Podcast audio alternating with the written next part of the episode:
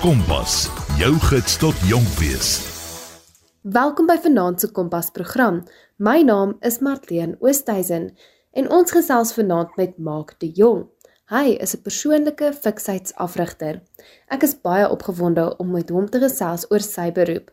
Baie welkom Mark. Goeienaand Martleen en 'n uh, goeienaand luisteraars en dankie weer eens vir die geleentheid. My naam is Mark de Jong. Ek is 'n persoonlikheidsafrigter van beroep en het my paadjie begin 17 jaar gelede as 'n baie jong man vol min selfvertroue. Ek het 'n spraakprobleem gehad. Ek was die soortgelyke swart skaap in die familie, geen ambisie nie en kon nie regtig sport beoefen nie as gevolg van my lae selfvertroue. En ook my spraakprobleem het veroorsaak dat ek baie gehakkel het en sodoende nie kon kommunikeer nie. En dis het ek graag skare, vriendekringe en familiebeeenkomste vermy.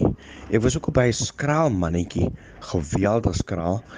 En ek het eendag by 'n gym verbygeloop en ek dog vir myself, maar die een plek waar ek tog kan werk aan myself en waar kommunikasie nie so 'n prioriteit was nie, is tog 'n gym.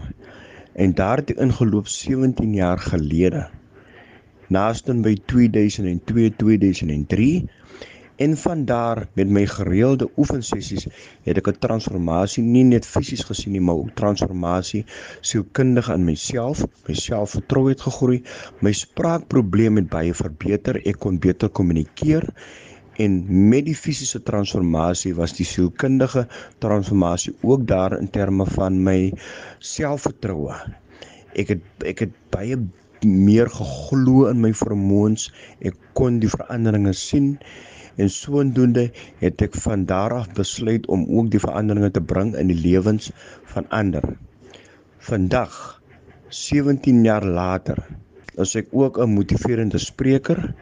Ek is ook die eienaar van my eie fiksens handelmerk genaamd Fitness Forever waar ek baie graag my aandag en toewyding heg aan die opbouing, versterking en bekragting van ons gemeenskap om ook sodoende die fisiese sowel as die sielkundige veranderinge daar te bring.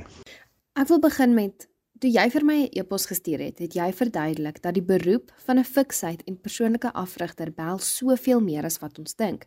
Verduidelik daardie stelling asseblief aan my.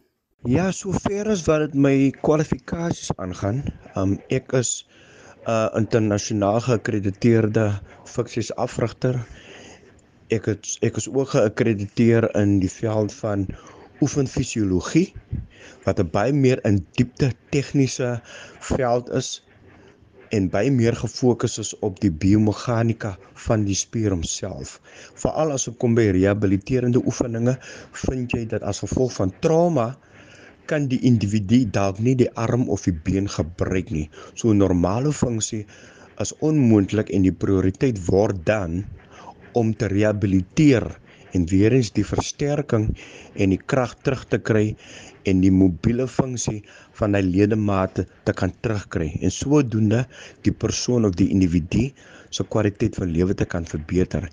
En wat baie van ons as vanselfsprekend vat met die beweging van jou vingers of jou hande of jou arm te kan lig word vir iemand wat ly aan 'n fisiese kondisie word dit letterlik onweerstaanbare uitdaging in terme van hulle fisiese begeerte om so te maak maar tog die besefing dat hulle nie 'n kwaliteit van lewe kan hê nie as gevolg van daai gebreke. Kan jy jou kwalifikasies en sertifisering as 'n persoonlike afrigter beskryf? Watter soort opleiding het jy ondergaan om hierdie geloofsbriewe te verwerf? Ja, sover as wat dit my kwalifikasies aangaan, um, ek is 'n uh, internasionaal geakkrediteerde fiksies afrigter.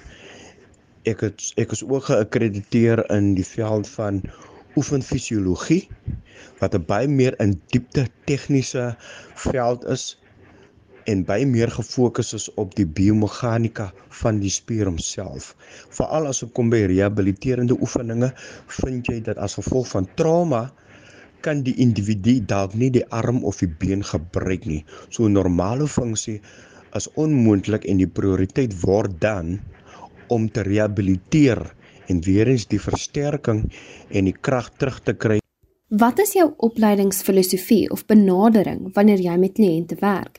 Hoe pas jy jou programme aan om aan individuele behoeftes en doelwitte te voldoen? Marteleen, my my opleidingsfilosofie en raad aan kliënte is gewoonlik voor ons kan praat van oefeninge. En weer eens dit is waar ervaring inkom. Sal ek altyd my kliënte stil sit en 3 of 4 vrae vra. Die eerste vraag sou wees: Ly jy aan enige kroniese siektes? Tweedens, is daar enige fisiese trauma waarvan ek moet weet? Byvoorbeeld 'n operasie of 'n ongeluk en as gevolg daarvan het jy enige liggaamlike gebreke as gevolg van of 'n mediese kondisie of 'n fisiese ongeluk. En dan wat is hulle fiksietvlakke? Hoe aktief was hulle as jongspan, as 'n jongeling? Wat was die aktiwiteit wat jy aan deelgeneem het en wanneer laas was jy aktief? in algemeen in terme van fisiese aktiwiteite of dit nou sy hiking is soos hulle sê hardloop, fietsry, netbal, sokker, rugby, hokkie wanneer is die laaste keer wat jy fisies aktief was en baie male vind jy jouself in 'n posisie waar op gronde van al daai inligting alleenlik dan kan jy bepaal wat is die oefen en die fiksheidsplan of die visie vir die individu. Wat is hulle motivering? Want ek sê altyd Marteleen, ek ek verskaf nie die perfekte liggaam in 'n oefenprogram nie. Wat ek doen is ek bevorder 'n kwaliteit van lewe wat jou toelaat as individu om 'n dag tot dag taakies te kan verrig sonder enige kommer van fisiese of mediese bekommernisse. Sy dit versterking wees as gevolg van osteoporose, sy dit wees as gevolg van 'n ongeluk of kroniese kondisie, weer eens die rehabiliterende faktor kom altyd in plek wanneer jy werk met mense en bring ons weer terug Nou waarom my motivering is dat indien die keuse om 'n persoonlike afrigter te word nie ernstig opgeneem word in terme van die verantwoordelikheid wat jy neem op jouself met daai persoon se lewenskwaliteit, se fisiese gebreke en laastens hulle toekomstige doelwit, wat hulle motivering is om hulle self te versterk en hoe jy die ondersteuning daar gaan bring en die ondersteuning daar gaan laat vir die toekoms. Wat is jou standpunt oor voeding en die rol daarvan in fiksheid? Gee jy leiding of aanbevelings aan kliënte rakende hulle dieetgewoontes? Marteleen my standpunt oor voeding en die rol daarvan in fiksheid. Laat ons nou eerlik wees met moderne tegnologie en toegang tot inligting het niemand meer die verskoning om nie gesonde eetgewoontes voor te bring nie.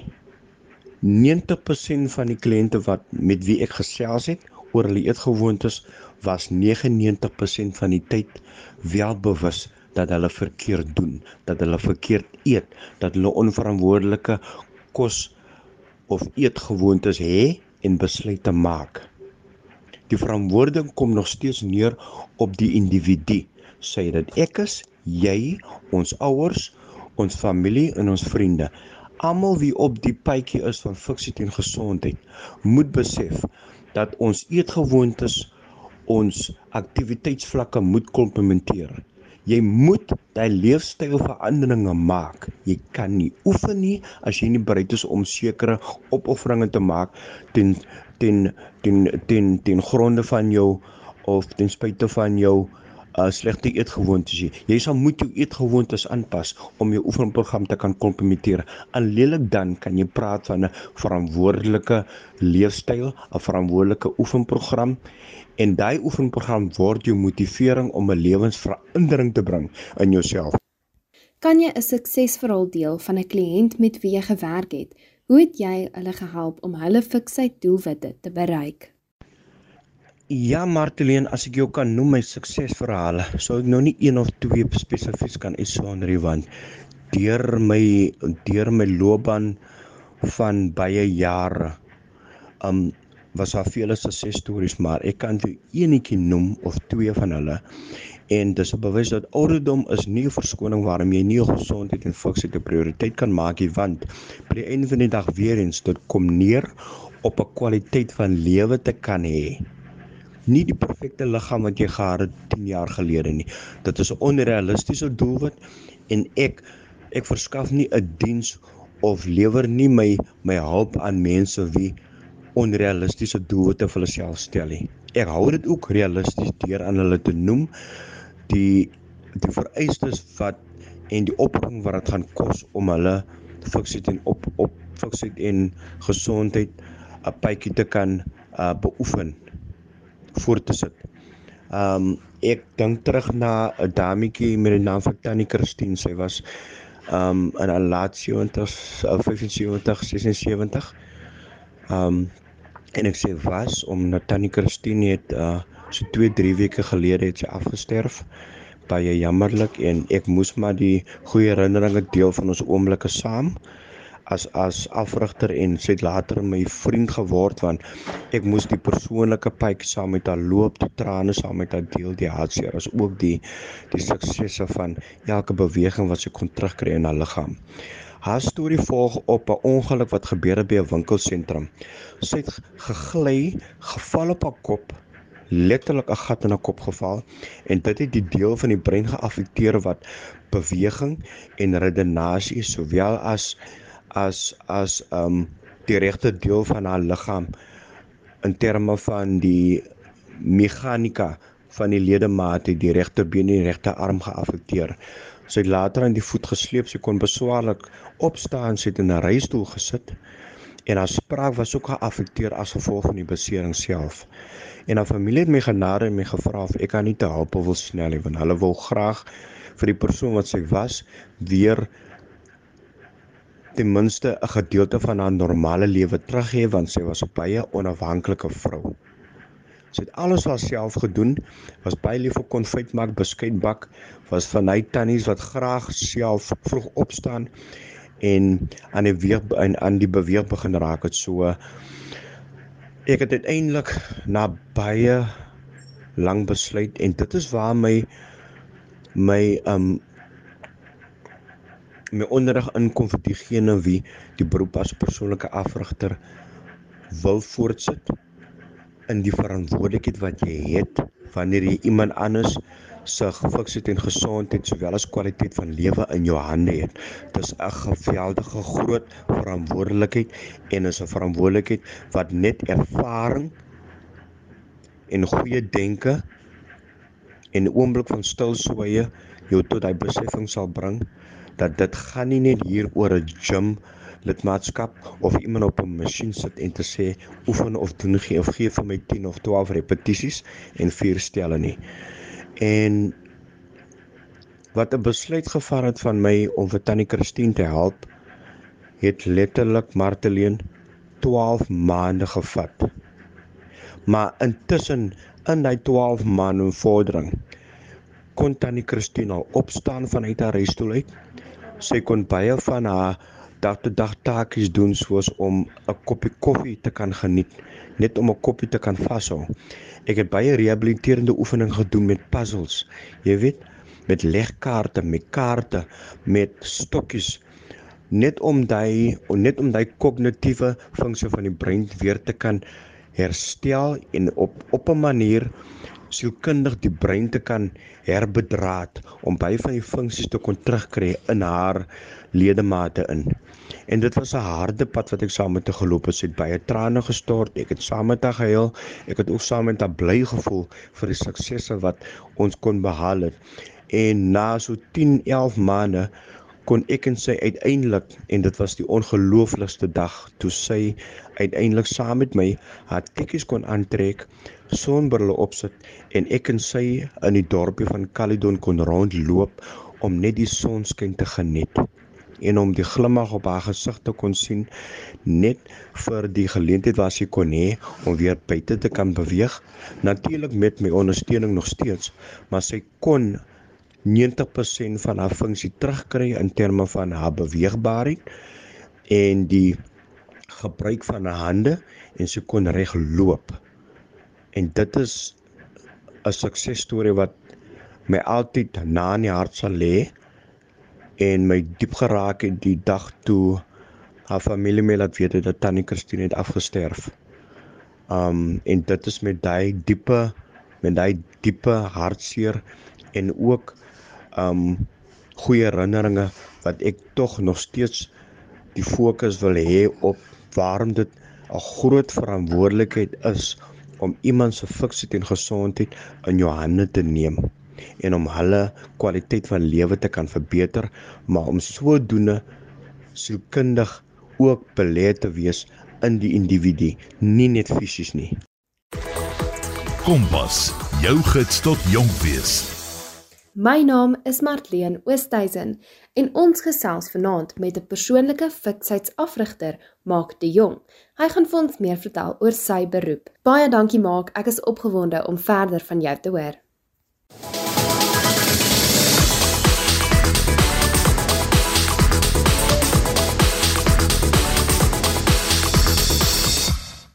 Hoe hou jy jou kliënte gemotiveerd en betrokke tydens hulle fiksheidsreis?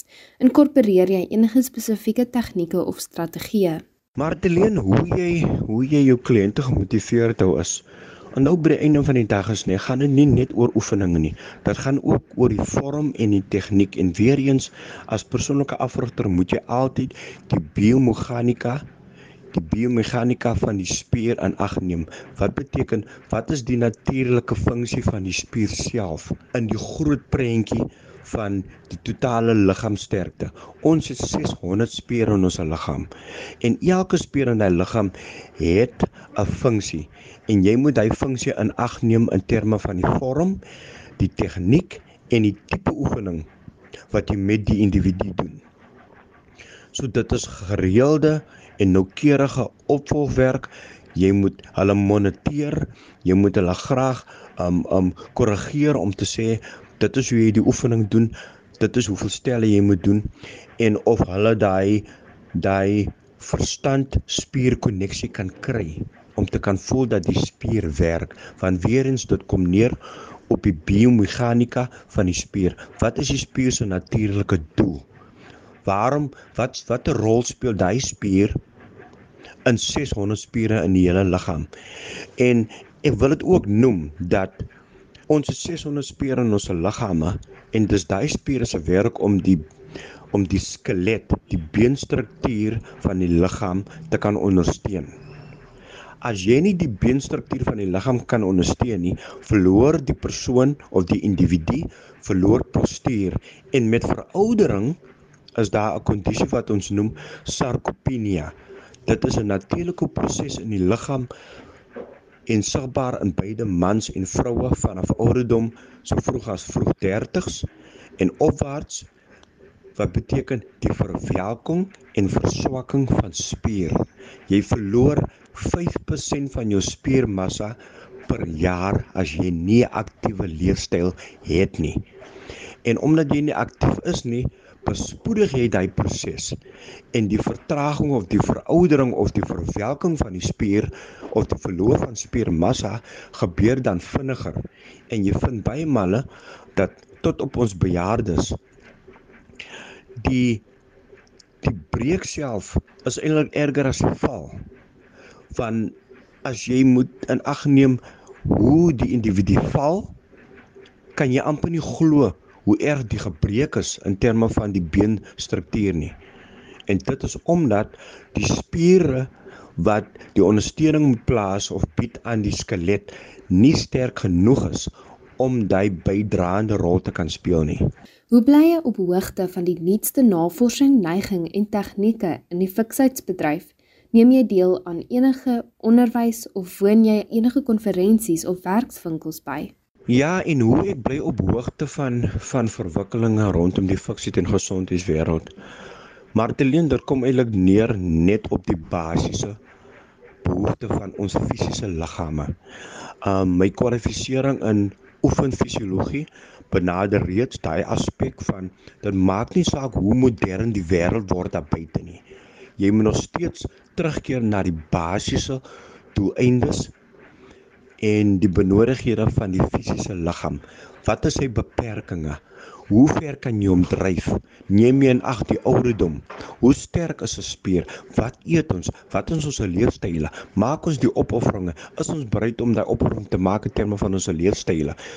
Met al hierdie moderne veranderinge of elemente wat ons liggame in ons lewens kan impak, is daar nie veel verandering in die basiese elemente van fisiese gesondheid nie sê dit is medies, fisies of sielkundig.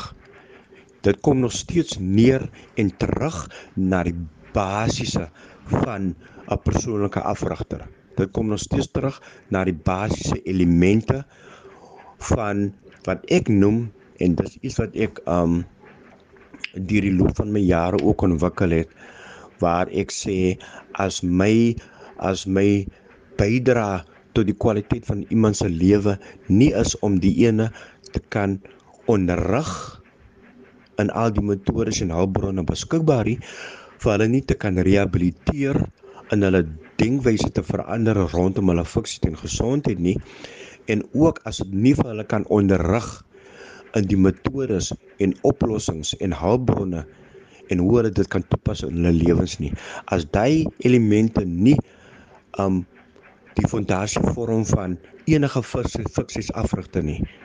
Het jy alreeds die stryd teen die fiksie en gesondheid paadjie van daai individu klaar verloor? Wat is jou persoonlike benadering tot die handhawing van 'n gesonde en gebalanseerde leefstyl? Hoe verseker jy jou eie fikse en geestelike welstand as persoonlike afrigter? En my persoonlike eh, benadering tot die handhawing van 'n gesonde en gebalanseerde leefstyl verseker ek eintlik deur een belangrike element en dit is om toegewyd en gedissiplineerd te bly op jou oefenprogram en meer jou aandag te werp op 'n kwaliteit van lewe as om 'n korttermyn doelwit soos 'n dieet wat jy oor 3 maande wil doen of 'n dieet oor 6 maande.